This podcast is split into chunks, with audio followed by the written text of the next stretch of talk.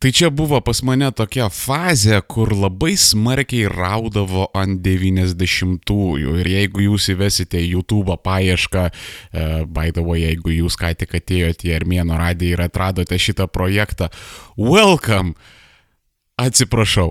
E, žodžiu, e, jeigu jūs įvestumėte į YouTube paiešką armėnas ir 90-ieji, ar tai 90s, ar kažkas panaš, su panašiais raktažodžiais, jums ten išmes gal kokius, nežinau, 5-6 epizodus šitom vat būtent temom, ne, ir, ir, ir intervus, ir atskirus epizodus, kur, sakau, pas mane tokia buvo fazė, vat kaip buvo, pas, nežinau, pas Picasso, ten melinasis periodas, kubizmas, ten dar kažkas, vat mane vienu metu labai labai rovė ant 90-ųjų ir čia ne tik tai mane vieną, ta prasme yra tas labai garsus grupsas laukiniai 90-ieji ir dar yra mm, šiaip tokio labai daug, m, kaip čia dabar pasakyti, tokios labai daug nostalgijos nostalgijos 90-iesiams, uh, sakysim, tie tokie hipsteriški filtrai uh, jau seniai seniai mado yra, kurie tą turi tokią spalvą, tos, uh, kaip pasakyti, uh, nu, tos, tos tokios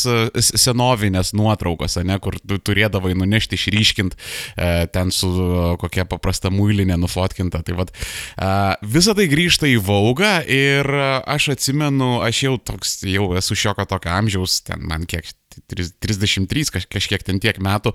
Aš jau esu tokio amžiaus, kai aš prisimenu, kada mes apie 90-uosius visiškai negalvojam. Prasme, 90-ieji jie net neturėjo epiteto, dabar yra ten tie neramieji 90-ieji, laukiniai 90-ieji.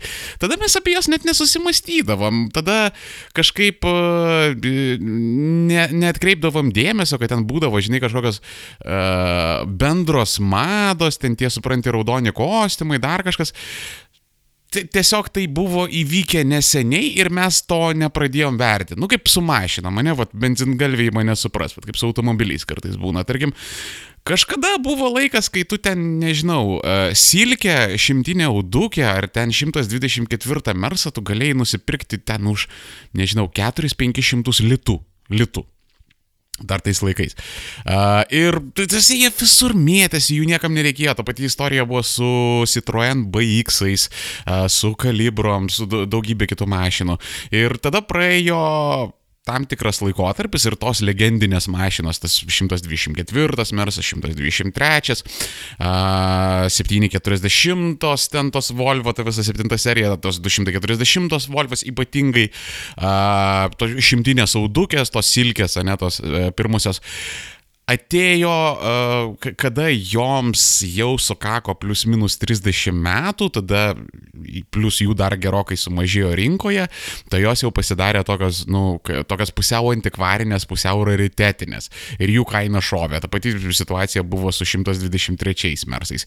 Jų kaina čiučiut anksčiau šovė e, ir dabar, man atrodo, jeigu perki kūpą, arba 123 arba 124, tai man atrodo 123 kupė, nu, plus minus panašus stovis, plus minus panašus varikliai, plus minus panaši komplektacija, tai ta panaši komplektacija, tai čia biški su žiupsneliu druskos, nes, um, kaip čia dabar pasakyti, 123 vis tiek yra senesnė karta, tai ten viens prie vieno komplektacijos nebus, žodžiu, plus minus ekvivalentiškos mašinos ir 123 kainuos taip, nu, normaliai brangiau, ne, ten 20-30 procentų brangiau. Tai Čia karo čia toks oftopikas, visi nebenzingalviai labai labai jūsų atsiprašau, kad pagadinau jūsų laiką, bet žodžiu, esmė yra tokia, ka kažkodėl turi praeiti laikas, kad mes pradėtume nostalgizuoti ir mes pradėtume vertinti tą praeitį, ne? Ir dabar aš galvojau apie tą visą prieškrizinę Lietuvą ir aš manau, kad ten praeis 10 metų, gal mažiau, gal 5, gal 7, gal daugiau, žinai, gal 20 metų dar turi praeiti. Aš manau, kad ir tas laikotarpis, ta prieškrizinė Lietuva gaus kažkokį epitetą, sakysim, kaip tie patys ten laukiniai 90-ieji, ne? Ir ko gero toj tolimoje ar netolimoje ateityje ir atsiras ten grupsai kokie nors, greičiausiai Facebooko nebus, bus kažkas kitko, žinai, kažkokie ten grupsai, kažkokie panašus to dalyko ekvivalentai, daug nostalgijos, daug visokių memų apie šitos dalykus, jeigu memai bus ir jų kažkas naujo nepak... Nu, anyway, žodžiu, mane, mane supratot. Praeis laikas ir mes apie tą prieškrizinę Lietuvą labai smarkiai nostalgizuosim. Ir va čia va kilo man noras apie tai papasakoti, nes a, aš tais laikais gyvenau ir aš tais laikais buvau sąmoningas. 90-aisiais aš buvau piplys. Aš esu 86 metų gimimo, tai kada baigėsi 900-ųjų epocha ir šitoje vietoje aš su Kestu Vasilevskiu absoliučiai sutinku, kad 900-ieji baigėsi su įstojimu, Lietuvos įstojimu į ES 2004 metais. Tai formaliai 900-ieji baigėsi 2000-aisiais, man tada buvo 14 metų uh, ir plus minus 18 metų, jo, buvom, jau man buvo 18 metų, kada stojame į ES, nes aš balsavau už stojimą į ES ir E, pardaviau Lietuvą už skalbimo miltelius ir alų e, Briuselio nerinktam technokratiniam diktatui. Tai anyway, uh, jau toj prieš kriziniai Lietuvoje man buvo tai plus minus 20 metų Aš jau buvau gerokai samoningesnis negu ten vaikas, pradinukas, darželinukas, paauglys, ne koksai aš buvau tenais 90-aisiais. E, ir vis tiek, tu, kol tu dar neturi darbo, kol tu ten nemoki kažkokiu mokesčiu ir panašiai, kol, nu, tarsi, nepradedi savarankiško gyvenimo, e, epochą visoji pilnumoje suvokti tau yra sunku, nes, sakysim, kada tu esi vaikas, tai tu nuo daugybės dalykų esi izoliuotas, ne, kada tu esi suaugęs, tai a, tu, tu jau, nu, taip sakant, ten visom spalvom šitos dalykus patiri. E, ir šitoje vietoje reikėtų paminėti, kad mano atsiminimai gali būti labai iškraipyti, nes, nu, visų pirma, tai buvo seniai, ta prasme, tai beveik 20 metų atgal, e, nu, gerai, ne 20 metų atgal, be, be, be maž 15, 16, 17 metų atgal žiūrint e, kaip ir nuo kada skaičiuosi. Praėjo laikas, e, laikas jisai vis tiek tą atmintį biški iškraipo, plus dar prisideda tie dalykai, kad žiūrint iš retrospektyvos mes irgi galim nuspalvoti a, tam tikrus dalykus, nu kaip pavyzdys, ne, a, jūs turėjot ten kažkokį partnerį ar partnerę, jūs ten su jais draugavote ir tuo metu viskas buvo gerai, jūs juos mylėjote, tai buvo patys geriausi žmonės. Ir tada kažkas įvyko ir jūs išsiskyrėte ir dabar tai yra paskutiniai padugnės volačiai išgamos ir ten bla bla bla bla bla, ne, nu tai, ta prasme, laikas laikas keičia perspektyvas ir dar reikia turėti omeny, kad uh, dabar aš esu debilas, bet ta prasme, tada aš buvau Aš buvau primatas, aš buvau, nu, ta prasme, kaip ten vienas iš tų Kšištofų Lavrinovičių levelio, ta prasme, pas mane buvo mąstymas. Tai žodžiu, nu, tada aš dar buvau gerokai ragavęs mažiau išsilavinimo, tada vis tiek aš tik tik pradėjau tą, žinai, savarankišką gyvenimą, gerokai buvo nedaug tos, kaip čia dabar pasakyti, gyvenimiškos išminties, ne? Ir todėl tas mano iki krizinės Lietuvos pasakojimas, žinai, kaip amžininko ar kažkas, uh, jisai gali būti sutirštas tų daugybės dalykų. Tai čia va, toks disclaimeris, ne iš pat pradžio. Bet uh, vis tiek aš noriu apie tą epochą papasakoti, nes tai buvo maždaug kokie 3-4 metai, tai yra nuo vat, būtent stojimo į Europos Sąjungą, dabar tas ekonominis pakilimas jisai gerokai anksčiau prasidėjo, bet, nu, kokiais 2-1-2-2 metais. Bet, vat, stojimas į Europos Sąjungą, va tie va 2-4 metai iki pat kokių 2007-2008 metų, kada jau atėjo pasaulinė ekonomikos krizė, va tie 3-4 glorious, glorious metai. Um, tai buvo kažkas tokio. Ta prasme, tai buvo, tai buvo wow, tai buvo kažkokia... Uh, ten visai kitokia Lietuva buvo. Ta Lietuva su dabartinė Lietuva, nu, jos labai skiriasi, nes um, Čia mes vėliau pašnekėsim truputėlį apie šitą, bet e, krizė daugybę, daugybę dalykų Lietuvoje pakeitė. Ta prasme, jos ta, tu, iki krizinis išsivystimo ir vystimosi vektorius visai kitoks buvo, negu mes turime jį dabar. Ir daugybė, daugybė žmonių, ta prieš krizinė Lietuva, jinai buvo tam tikra aukso epocha, tas kažkoks, žinai, prarastasis rojus. Ir vertėtų pradėti nuo to, kad tais laikais um, tai tais laikais, e, nu, ta prasme, Žinot, bet yra filmuose tropas, ne, kadangi uh, dauguma Hollywoodo producerių yra debilai, idiotai, psichopatai, sociopatai. Žodžiu, visus baisiausius epitetus, kokius tik tai galite sugalvoti, galite priklijuoti tiem žmonėms, ne? Ta, ta prasme, kur Hollywoodas dabar yra sequelai, prequelai, franchise'ai ir uh, remake'ai, ne? Tai Hollywoodo filmuose yra toksai tropas, nes ta prasme, nu vėlgi, kadangi ten dažnai tos filmus kūrė rašo ten debilai, uh, kurie skaito, kad uh, kompiuteriai yra magija, čia, žinai, biški yra off topikas, bet, blecha, kiek, kiek tų filmų yra, kur, tipo, žinai, čiuvakas sėdi ant laptopo kažką pataipina, ten scrollina kažkoks, žinai, vos ne HTML ar, ar ten, uh, supranti, uh, koksai nors, nežinau, Ubuntu terminalas ar kažkas tokios, supranti, ir, ir, ir sėdi ten belenką taipinant tos klaviatūros ir aš hakinu, žinai, dabar Pentagoną. Fuck off, ta prasme, mane, mane užkniso, tai žinai, dalykas, computers are basically magic, kur, ta prasme, tu gali ten, žinai, šviesoforus įjungti, išjungti ant duris, atrakinti, užrakinti, ten Ne, ne, taip tikrai nėra.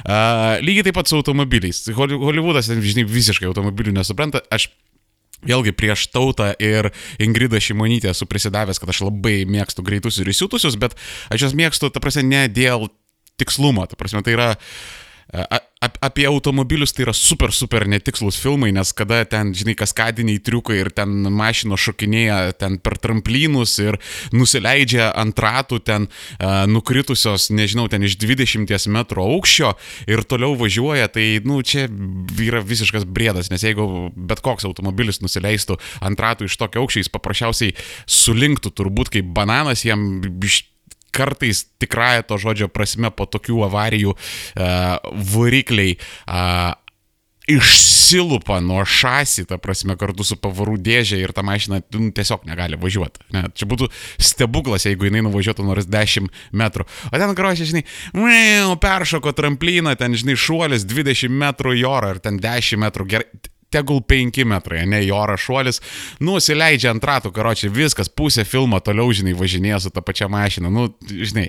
A, tai e, tuose automobilizmo filmuose yra tas, žinai, tropas, kur, nu, supranti, vyksta lenktynės, intensyvios lenktynės ir čia, žinai, viskas ten akis į akį ir ten a, du Reiškia, priešininkai jau ten visus aplenkė, jie čia, žinai, visi kovoja ir nežinai, kas laimės ir tada herojus uh, perjungia pavarą ir taip dramatiškai parodo, žinai, kad čik čik jis tą pavarą perjungia ir tada mašina padaro on ir, žinai, aplenkia.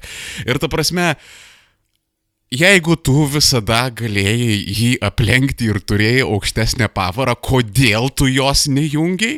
Kodėl tu lenktynėse drožiai savo motorą ir rizikavai, kad jisai užsilenks iki finišo linijos ir nejungiai aukštesnės? Nu, tavasi, sakau, ten, ten tos filmus rašo idiotai, nes, nu, nebūna taip niekada gyvenime. Dabar tos lenktynės yra laimimos e, visai kitokių dalykų pagrindu, bet vat, yra tas, žinai, tropas, kad, žinai, kažkas ten perjungia tą pavarą, žinai, dramatiškai labai ir ten, on, ir tada mašina, žinai, jau ten, e, kaip rusai sako, papiorla. Ir va ta prieškrizinė Lietuva buvo tokia. Ta prasme, va ta Lietuvos ekonomika, žinai, augo, augo pas, e, kaip e, Wagnerius e, sakydavo, buvęs premjeras Wagnerius sakydavo, gyvenims geriai. Tai kai, kai tas gyvenims gerėt pradėjo, tai visi žmonės tai pajuto, žinai, ir taip iki 2000-ųjų nu, tipo, buvo vis geriau ir geriau nuo sovietmečio, bet taip, žinai, nu, ne fontanai, žinai, dar ir skurdo buvo, dar ir buvo tokia, žinai, socialinė atskirtis gerokai didesnė, tais 90-aisiais negu dabar. Ir tada po tų 2000-ųjų, e, nes buvo 90-ųjų, 2000-ųjų Rusijos krizė, kuris smarkiai krito, bet maždaug Lietuva per porą metų atsistatė ir jau vat kokiais 21-22 metais, jinai va, įkalė, supranti, tą pavarą, žinai, iš to tropo ir ten, o, nion, ir karočio variklis kaip špulė, žinai, ir paėjo viskas. Ir aš labai gerai atsimenu tą laiką, kai supranti, a, mokesčiai mažėja, a, PVM, man atrodo, buvo sumažinę iki 18 procentų, a, visokiausi ten GPM, ten supranti, mažėja, NPD ten didėja, ten viskas, a, lengvatos visokiausios atsiranda, visokios ten pagalbos, papildomos išmokos, a, kūrėsi daugybė verslų, žmonės žmonės pradeda turtėti, aš atsimenu, ten 90-aisiais buvo, nu, retenybė, kad kažkas pasiimtų būsto paskolą, ne? Tu, ta prasme, tu apie to žmonės girdėdavai, kad jie tokie yra, ten tavo pažįstamo draugo, klasioko, pusbrolio, garažo, kaimyno, bendradarbis, ne? Vat kažkas toks.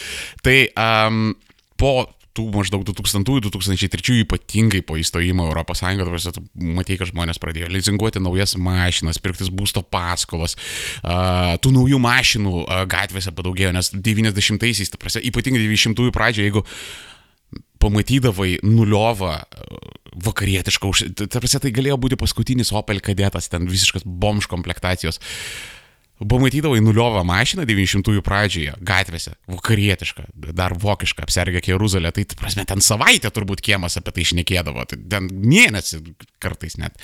Uh, o, o jeigu dar pravažiuodavo, nežinau, koksai ten Porsche 914 ar, de, ar 928, tai čia, ta prasme, iš viso į protą netilpdavo tokie dalykai.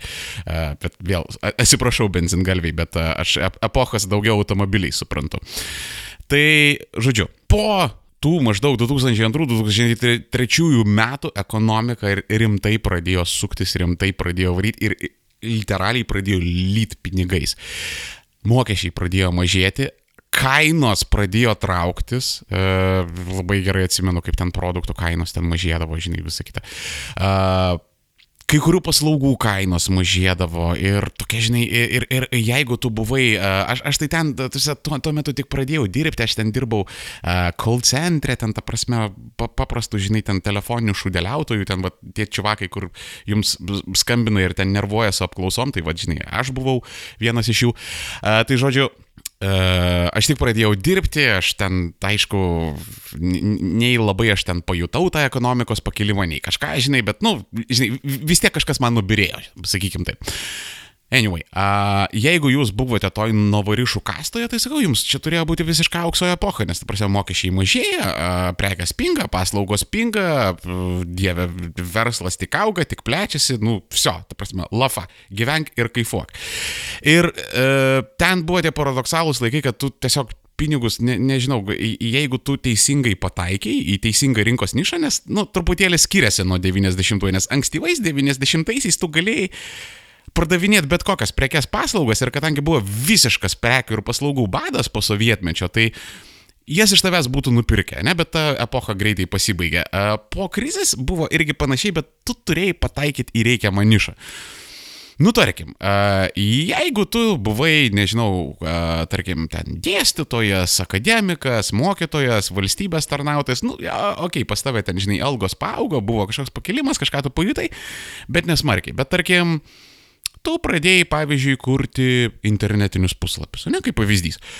Nes labai ilgą laiką Lietuvoje tas internetas neplito, neplito, neplito, tai buvo visiška naujovė, niekas nesuprato, kam to reikia. Ir tada, žinai, atsirado didžiulė mada internetiniams puslapiams, ne, ir niekas jų neturėjo ir buvo didžiulis biznis kurti. Krūvos kompanijų buvo atsiradę, kurios vartė ne kurios net milijoninėmis, ta prasme, apyvartomis, ten pelnai buvo biški kitokie, bet apyvartos kartais būdavo net milijoninės. Uh, čia gal tokie retesni atvejai, bet, sakysim, tikrai šimta tūkstantinės būdavo. Ne? Gerai, gal aš čia biški pritrochlinau, milijoninių apyvartų mažiau buvo, bet ja, šimta tūkstantinės buvo tikrai. Ir e, jie tiesiog, nu, sėdėdavo hebrantai, kurie net nelabai būdavo įtišnikai ir programeriai, nelabai smarkiai ten kažką šarindavo, prasė, nu, plus minus kažką, žinai, mokėdavo. Um, pilnas internetas būdavo tenai, žinai, voktų HTML-inių template'ų ir ten, nu, plus minus, žinai, pavadinimą vieną nubraukė, kitą idėją, ten, žinai, į įkaliai tekstą, dažnai tai būdavo su rašybos klaidom, dažnai ten būdavo nesutvarkyti šriftai ir ten, pavyzdžiui, lietuviškas raidės ten rodydavo kaip kvadračiukus ar ten kokį Unikodą, bet, nu, basically parsisiuntėjai tą voktą template'ą, greit padarėjai patvarkiai, palaikiai kokį, žinai, ten porą savaičių, kad apsimestum, kad čia, žinai, ten daug darbo buvo įdėta, bet realiai tu ten per porą valandų, žinai, ten sumetėjai. Palaikiai porą savaičių, ten, žinai, te aplep ir karočią profit. Ir, uh, by the way, nemažai šiandieninių tų tokių, uh, kaip čia dabar pasakyti, inovacinių uh, milijonierių, ne, tie žmonės, kurie yra sukūrę kažkokias uh, IT ar ten technologinės verslo imperijas, jie daugybė jų buvo pasikėlę vat, būtent nuo websaitų kūrimo ir ten visiškai nieko šūstro, nieko gudraus tas buvo websaitų kūrimas, tarsi ten uh, pš, flashas, dieve, tu prasme, pamatyti ten flashinį website lietuvišką, tai čia, žinai, buvo wow, čia, čia buvo, buf, čia kažkas tokio, ta prasme, realiai, žinai, labai labai paprastas HTML ir e, labai, labai viskas bazinė, primityvų ir, tu prasme, e, sakau, daug, daugybė dabartinių tų e, technologinės verslo imperijas sukūrusių tų ten technooligarchų, ar kaip jūs ten pavadinkim, daugybė jų pasikėlė vat, būtent nuo website kūrimo. Čia kalba apie naujosios kartos ten apie visokius, sakysim, ten Elsius, Teltonikas ir panašiai, tai čia biškutį kitokia istorija, nuo ko jie tenais pasikėlė. Uh, tai vienu žodžiu. Ir uh, viena iš tų nišų, kur, nu, tai buvo uh, licenciją spausdinti pinigus. Ne, viena iš tų nišų tai buvo nekilnojamas turtas, ne, bet visas sektorius. Tas visas sektorius, tai vad, jeigu tas yra automobilinis tropas, kur ten, žinai, perjungi bėgi ir ten tavo automobilis, žinai, nurūko ir ten visus aplenkia, tai kada įsisuko nekilnojamo turto sektorius, taip normaliai, žinai, įsisuko, kada jau ten pradėjo pūsti tos visus burbulus, kada prasidėjo tos visos nekilnojamo turto manijos, kurios labai buvo panašios į tulpių maniją, by the way.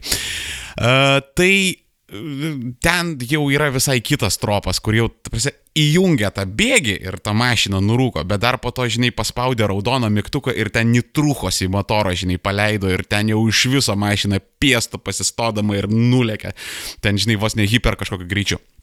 Tai uh, Aš taip drįščiau teikti, aš e, nesu matęs skaičių, aš ten nesu labai intensyviai kažką skaičiavęs ir teninės, bet aš taip drįščiau teikti, kad ko gero tuo metu vienaip ar kitaip pusė Lietuvos sėdėjo ant nekilnojamo turto sektoriaus. Uh, tai yra nebūtinai, kad visi, tai, ne visi, ne, nebūtinai, kad pusė lietuvių buvo statybininkai, ar ten, nežinau, kokie nors nekilnojamo turto brokeriai, ar ten ar, bet, nu, aplink tą nekilnojamą turtą vis tiek buvo sakysim, prekybininkai, kurie atveždavo statybinės medžiagas, ne? Būdavo logistai, kurie iki prekybininkų daveždavo tas statybinės medžiagas, o po to jas nuveždavo į statybvietę. Būdavo, tarkim, servisai mechanikai, kurie logistams tvarkydavo fūras. Būdavo bankai, bankyrai, kurie skolindavo žmonėms paskolas, kad jie pirktų ten tos kotedžus, kartoninius būtus ten. Nu, suprantate, buvo visa didžiulė grandinė ir tas nekilnojamas turtas turėjo tiesiog tiesiog milžinišką rinkos multiplikatorių, kur uh, vienu metu, aš, aš esu girdėjęs tokių skaičių, aš nežinau kiek pagrysta, bet aš esu girdėjęs tokių skaičių, kad vienu metu buvo tokie laikai, tai prieš krizinį Lietuvoje, kad, ta prasme, galėjai um, į nekilnojamą turtą uh, įdėti vieną litą. Ir tas vienas litas galėjo toj visoji didžioji grandiniai, ten praėjus tos visus multiplikatorius, sukurti 30 litų vertės. Čia, nu, dar prisiminkim, lito laikai buvo, ne?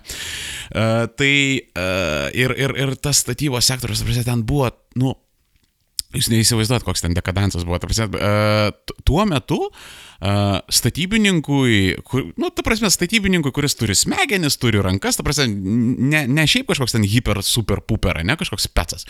Na, tiesiog standartinis statybininkas turi kažkokią profesiją, turi smegenis, turi rankas, moka abiem pasinaudot, tai, nu, Vilniuje 3000 litų į rankas, tai čia buvo minimali alga. Absoliučiai minimumas apie nieką.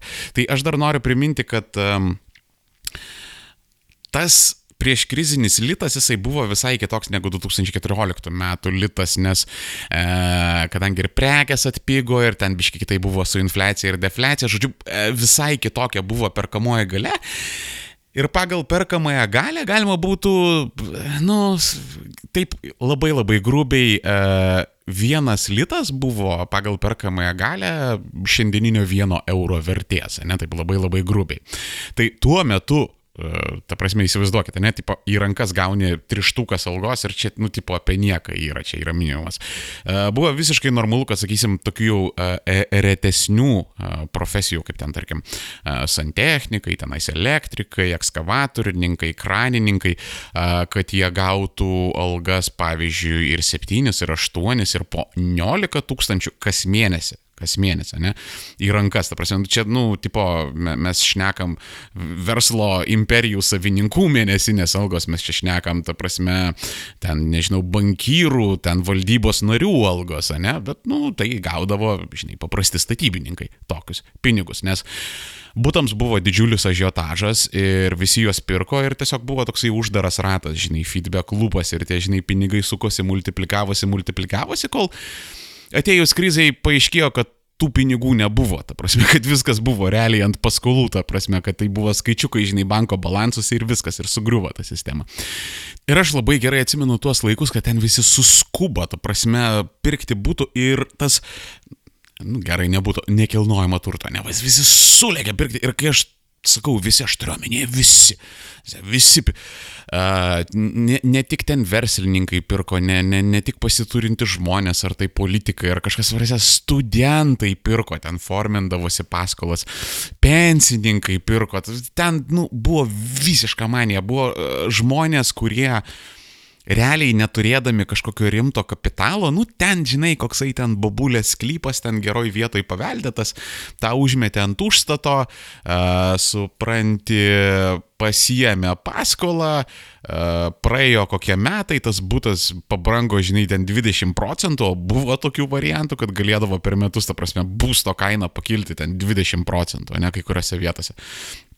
Už tą 20 procentų, kur pabrango uh, tu formini naują paskolą, emiesi mažesnį būtą, e, tada kitais metais tai tavo būtai būtų pabranksta, už tą pabrangimą vėl formini, nu ir karočią, žodžiu, jūs mane suprato, ten remortgaginį, remortgaginį ir kai kurie žmonės ten ant savęs turėdavo ten po 8, po 9, po 11 būtų, nes dabar bankai net nežiūrėdavo, ten e, štampuodavo, štampuodavo, ta prasme, tas pa, absoliučiai ten ramiai galėjai pasitvirtinti belenkokią paskolą tais laikais ir netgi jeigu tu susidurdavai su problemom, ne, pavyzdžiui, tu norėjai verslui pasiskolinti, bet neturėjai ten patirties ar įnašo, ar, ar banaliai tavo verslo planas buvo šūdinas, tai galėjai susitarti su banko vadybininku, ta prasme, tai buvo visiškai atvira paslaptis. Ir čia ne, ne šiaip ten koksai, žinai, ten tipo, e, ten, žinai, UAB čia slodos, ten e, pasvalio, žinai, bankelis, kur tu galėjai, ne, ne, ta prasme, didžiųjų bankų, Sebas, Vedas, ta prasme, pala, nesvedas, Hansa, man atrodo, tada vadinosi.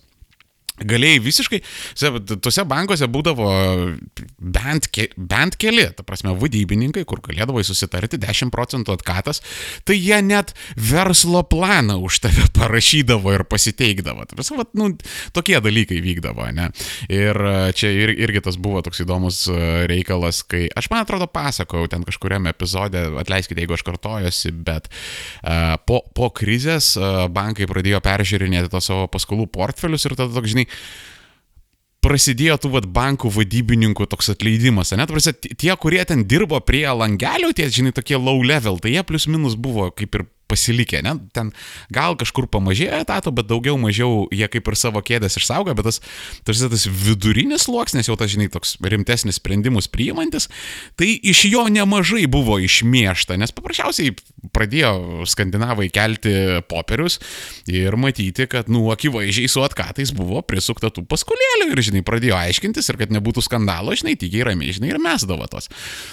Ir e, jau prieš pat krizę e, visas šitas dalykas buvo antiekės įsukęs, tai buvo to, tokia, tokia visuotinė manija, toks visuotinis pamišimas.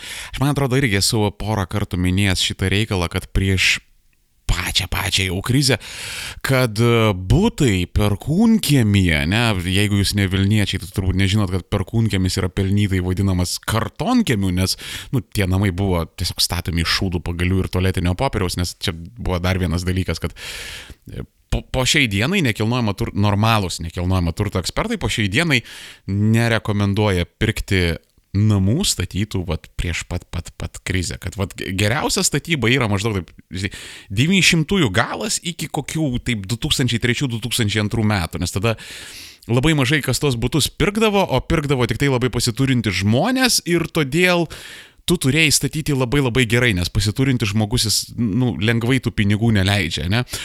O prieš pat krizę, ne jau po įstojimo Europos Sąjungą, kokiais 2005-2006 metais, daugybė žmonių turėjo prieimą prie paskolų, daugybė žmonių turėjo prieimą prie tų pinigų ir jiems buvo visiškai nusišykti tą kokybę.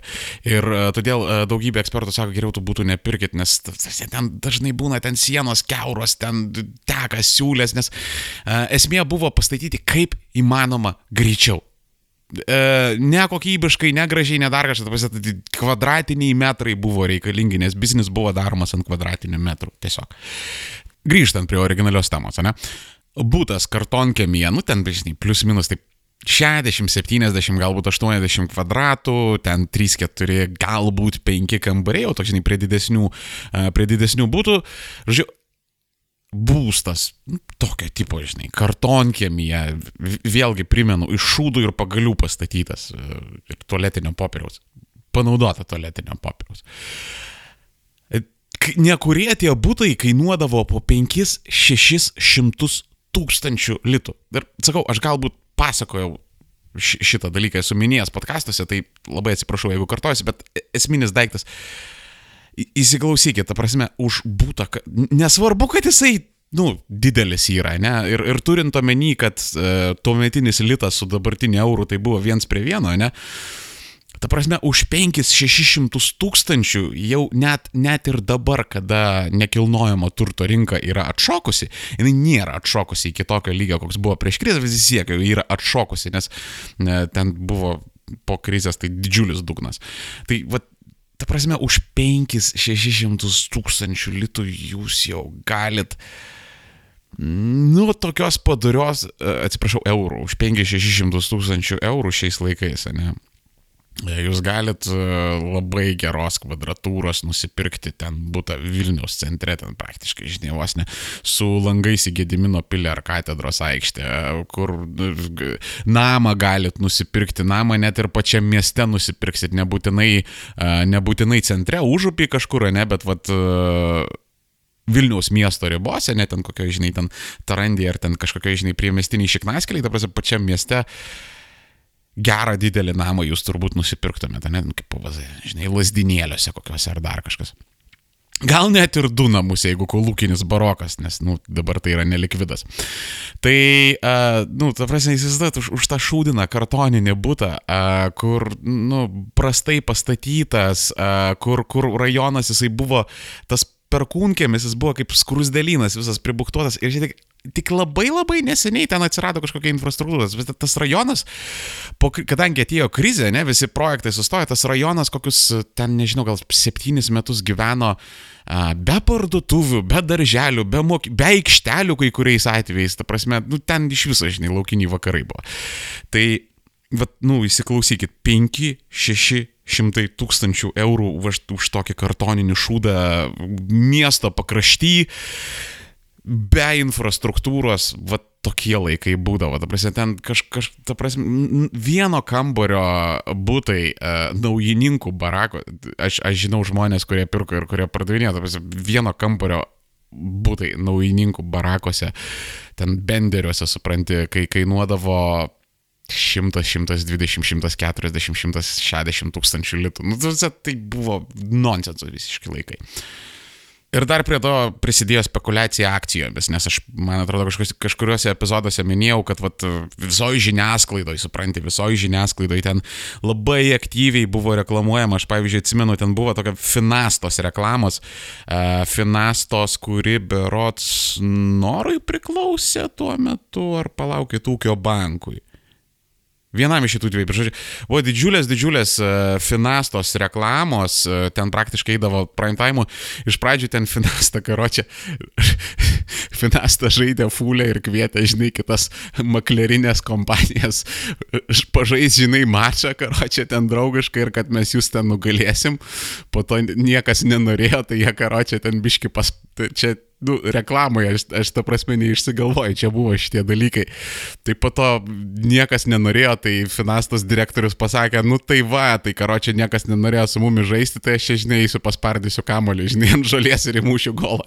ta prasme, tai buvo, nu, nu buvo va taip, ne, iš, iš visų, iš visų pakampėjo ta informacija, kad, žinai, pirkit akcijas, pirkit akcijas, jeigu jūs neperkat akcijų, jūs, ten, jūs, jeigu jūs neperkat akcijos, jūs, jūs iš viso esate tėvynės išdavikai, ta prasme, kas jūs čia tokie esat. Nu, va, jeigu tu nori būti Kentas ir Bahūras, pirk akcijas, ne, ir ten daugybė žmonių, ten buvo dievė prisijėmė paskolų su didžiuliais procentais, dar ten savo ten tėvus aplinkinius įtraukė tuos visus pinigus, ta prasme, tuos šimtus tūkstančių litų sukišę į labai rizikingas, labai spekuliatyves akcijas, ten su didžiuliam gražom, ta prasme, 30, ten kartais 40 procentų. Tuo metu buvo tų akcijų, bet, nu, Tas procentas buvo dėl to, kad jos buvo siaubingai rizikingos ir atėjus kriziai tie visi pinigai sudegė. Kai kurie kurie ten, žinai, greit sužaidė, ta prasme, įdėjo ištraukė, tai tie išlošė, ne, kaip aš tai ten savo laiku su bitkoinais buvau padaręs.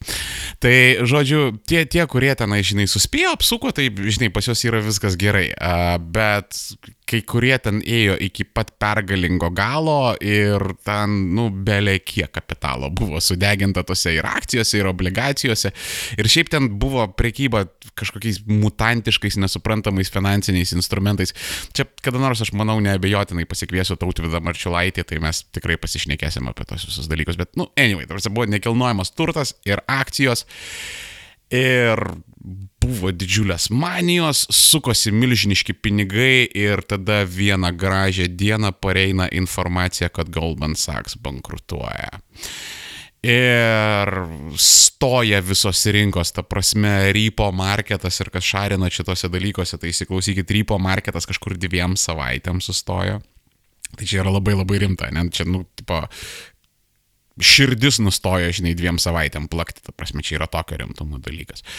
Uh, sustojo rypo marketas, uh, ta prasme, JAV visa valdžia, visa ES valdžia sėdi pasitarimuose, panika baisiausia, nieks nežino, visi bijo, kad čia kils nauja didžioji depresija, supranti, Kirkilas išėjęs į viešumą sako, a, krizė mūsų aplenks, ta prasme, čia normaliai, mes esam saugus ir tuo pat metu labai puikiai sudegino savo politinę karjerą. Ir šiaip realiai, jeigu ta manija nebūtų žmonėms aptemdžiusi smegenų, tai jie dar būtų spėję išsikešinti, jie dar būtų spėję išeiti iš rinkos, bet daug kas sėdėjo ir laukė, nes, na, nu, vėlgi, uh, at, at, buvo žmonių, kurie įspėdinėjo, kad sakė, žiūrėk, nu, tai yra manija, taip nesitęs. Ir, ir televizijoje, aš atsimenu, tos diskusijos vykdavo.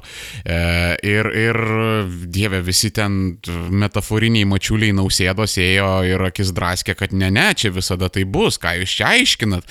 E, tas pats nausėda, ta prasme, apie krizę jau ten pradėjo šnekėti, kad tokia vyksta, kada jau ten viskas jau atvira, liepsna degė, tai tada jau jis užsiminė, kad Nu, maybe čia gal rūksta, žinai, dumeliai, kai karočią pusę miesto nafik liepsnoja, tai žinai, karočią. Uh, tai mm, jeigu žmonės, nes vis tiek Lietuvoje yra lagas, ne, Europoje problemos čiūtački vėliau prasidėjo negu Amerikoje. Europa dar kurį laiką jautėsi labai labai uh, pranaši ir kurį laiką Europą galvojo, kad ją irgi krizė aplenkė, bet tada 2090 metais kalė eurozonos skolų krizę ir ten, nu, ta prasme, juokėsi tas, kas juokėsi. Kažkuris pirmas, paskutinis, vidurinis. Anyway. Uh, žodžiu, Europa, e, Europa turėjo laiko, Lietuva irgi turėjo laiko, nes Lietuva ne tik nuo JAF atsilieka, bet dar jinai nuo Europos atsilieka. Buvo lagas ir, ta prasme, žmo, kai kurie žmonės, kurie šarino, tai jie išsikešino ir, ta prasme, e, kaip amerikiečiai sako, made out like bandits. Ta prasme, kai, kurie, aš čia, ta prasme, pas mane yra kažkoks kalbinis tikas, reikės paklausyti įrašę ir pabiškį jį eliminuoti. Atsiprašau, ką užknisa. Tai žodžiu, kai kurie žmonės ten savo investicijas pakėt turgų bindavo ir po penkiagų bindavo, kas ten laiku viską suspėjo padaryti. Absoliuti dauguma tikėjo, kad čia viskas normaliai, kad čia problemos yra Amerikoje ir tada ateina krizė ir ten tiesiog viską nušluoja vienu metu ir aš labai gerai atsimenu, kad eidavo ištisai žinutės, ta prasme, Narbutas subankrutavo Pinkevičiaus ta visa ranga, e, kažkokie, supranti, plėtkai pradėjo sklisti, kad Pinkevičius ir į kilpą ten bandė, žinai, galvą kišti. Uh, nekurie ir ten pasikorė ir nusižudė yra iš verslininkų. Daug, daugybė smulkesnių tenais verslų buvo tais laikais subankrutavę. Ir visą, tos žinutės ėjo ir tu matai, ta, ta prasme, tau, tau ta, vat, visas tas senasis, žinai, prieš krizinis pasaulis tau ant akių byra. Kaip, kaip žinai, koks Titanikas kesta, kur vsio, ta prasme, ir, ir, ir, ir tos visos istorijos, kai uh, dar tais laikais nebuvo fizinio asmenų bankroto. Ir e, beje, bankai labai labai ilgai priešinosi, kad nebūtų fizinio asmenų bankroto Lietuvoje. Tai uh, nebuvo fizinio asmenų bankroto, tai mes matydavom tas siaubingas istorijas, kai uh, žmonės iškraustydavo iš būto. Ir būtas, nu tarkim, va, tas kartonkėme būtas, ne, kainavo 500 tūkstančių litų. E, visiškai sugriuvo nekilnojamo turto rinka ir dabar jisai ten yra, žinai, vertas 150 tūkstančių litų, ne? Tai, nu, parduoda ten antstoliai iš varžytinių ir dar tu bankui ten 350 tūkstančių skoloj, žinai, esi. E, tai tu ir būtą praradęs, ir išmestas, ir ta prasme bankais dar čiul... Nu, gerai, daleiskim, kokius 50 tūkstančių, žinai, sumokėjai, bet, žinai, bankas tave čiulpė. Um, statybininkai irgi, nu, ten jiems buvo tuo metu aukso epocha ir kai kurie, kurie turėjo proto, žinai, investavo į kažkokį biznį ir dar kažką, bet, nu, Sprantat, daugybei tuo metu ten buvo 19-20 metų, ten iki 30, jokio proto, jokių smegenų, niekas apie jokį kapitalą negalvojo, visiems atrodė, kad taip tęsis visada ir e, daugybė, daugybė jų yra pasilikę ant ledo ir, ir su didžiuliam nuoskaudom prisimena, kad dieve, jeigu aš nebūčiau su tom kurvom davęsis ten palangoj, nes, nu, ta prasme, aš, aš net pažinojau asmeniškai tos žmonės, kurie nuvažiuodavo į palangą ar ten kokią nidą ir ir ten per savaitgalį ištaškydavo 10 tūkstančių litų ir visiškai čil, net nepajausdavo, kad tokius pinigus ištaškydavo. Tai, nu, ta prasme, būdavo, žinai, tokie laikai, kai statybioras, ta prasme, nuomodavosi ten, e, nežinau, būtų per daugštus ten senamestį, ten Vilniaus, kaip pavyzdys, ta prasme, pil, pilna, pilna buvo tokių keistų pavyzdžių.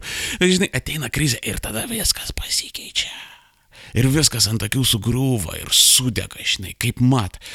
Ir politinė sistema pasikeičia, nes iki tol uh, buvo labai galingi, labai įtakingi socialdemokratai, ne, vad kaip dabar yra labai galingi ir įtakingi konservatoriai, nežiūrinti tai, kad jie jau antrą kadenciją nesėdė valdžioje, bet vis dėlto uh, žurnalistai tarsi, žinai, nenori, tarsi bijo jų kritikuoti, ne, e, ir, ir tai nu, konservatoriai tarsi yra ta, žinai, elito partija ir uh, prieš krizę tai buvo socdemai, ta prasme, socdemų bijojo, ypatingai kada buvo Algirdas Mykolas valdžiai viešpatė, bijojo prie jų liestis, bijojo jų kritikuoti. Prasme, ne vienas žurnalistas yra darbą dėl to praradęs.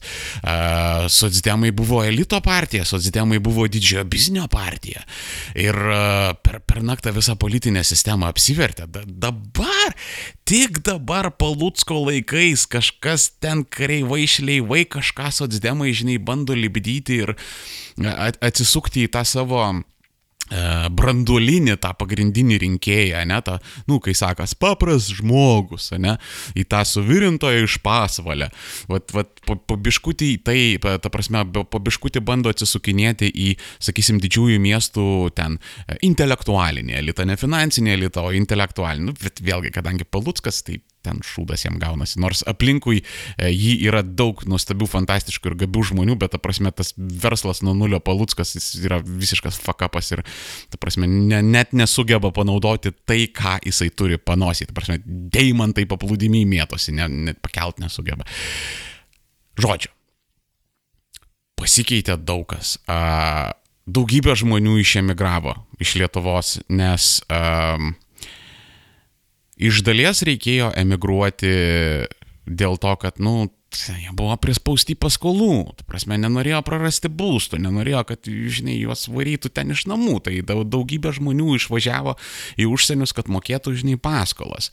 Um, daugybė žmonių išvažiavo į užsienius, nes buvo, nu, banaliai pripratę, nu, turėti žinai, didelį atlygį, net ten gauti tos metaforinius 3-4 tūkstančius litų į rankas, kurios, nu, gaudavo užsienyje, taip. Daugybė žmonių išemigravo į užsienį, nes prieš krizinį Lietuvoje, ta prasme, bet bedarbystė. Nežinau, koks tu turėjai būti dundukas ir liaušius, kad nesusirastum, a ne jokio darbo. Tai tikrai tuo metu buvo sunku jau po krizės, jo, jo po krizės su darbais, na, priežonkė buvo, mane, mane patį iš to call centro išmetė. Pelnytai, nes raspizdėjus buvau, bet uh, šiaip jo išmetė ir tos, gal porą metų ieškojau, rašiau CV, bet vat, porą metų turbūt buvau be darbo absoliučiai.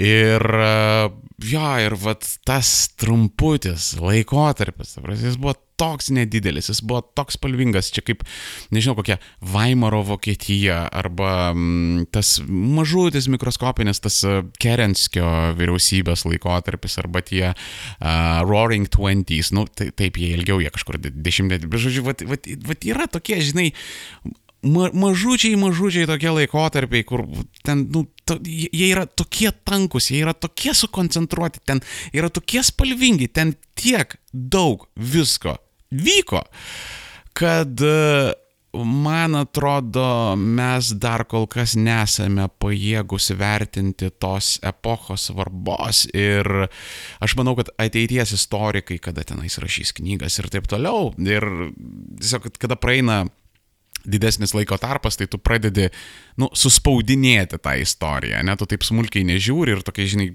grandioziniais etapais matai.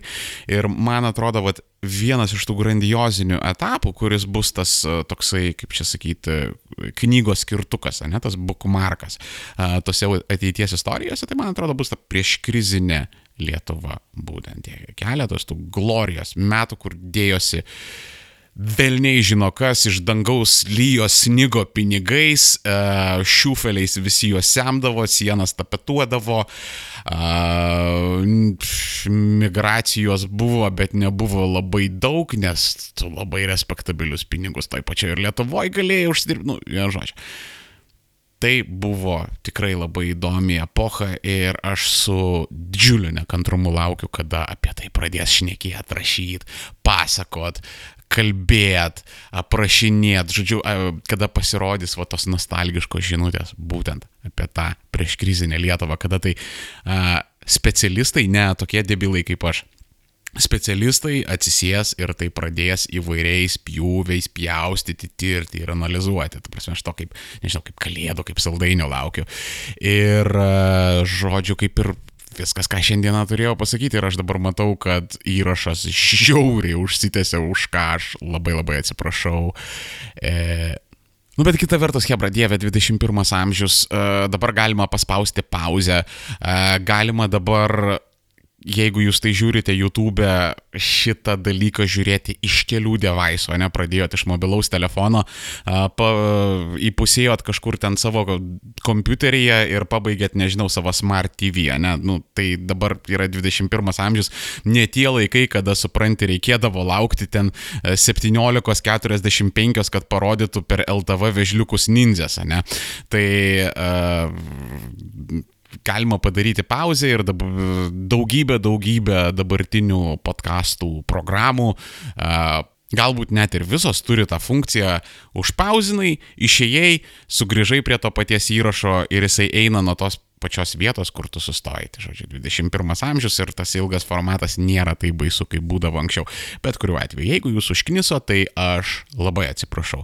Jeigu jums patiko, Visada prašom, geriems žmonėms negaila ir jeigu jums antiek patiko, kad jūs norėtumėt paremti šitą Armėno radio projektą, pinigais, kriptovaliuta ir kitokiais finansiniais instrumentais, tai apačioje yra linkai, pirmas linkas bus į Patreoną, tenais jūs galite nueiti, man įmesti dolerį, 2, 5, 10, kiek jums patinka, už tai gauti daug visokiausių bonusų, dovanėlių ir kitokių smagių dalykų.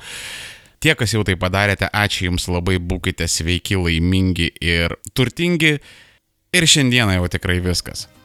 Ačiū, kad buvote, ačiū, kad iškentėte, ačiū, kad klausėte. Armėnas. Iki kito. Čia.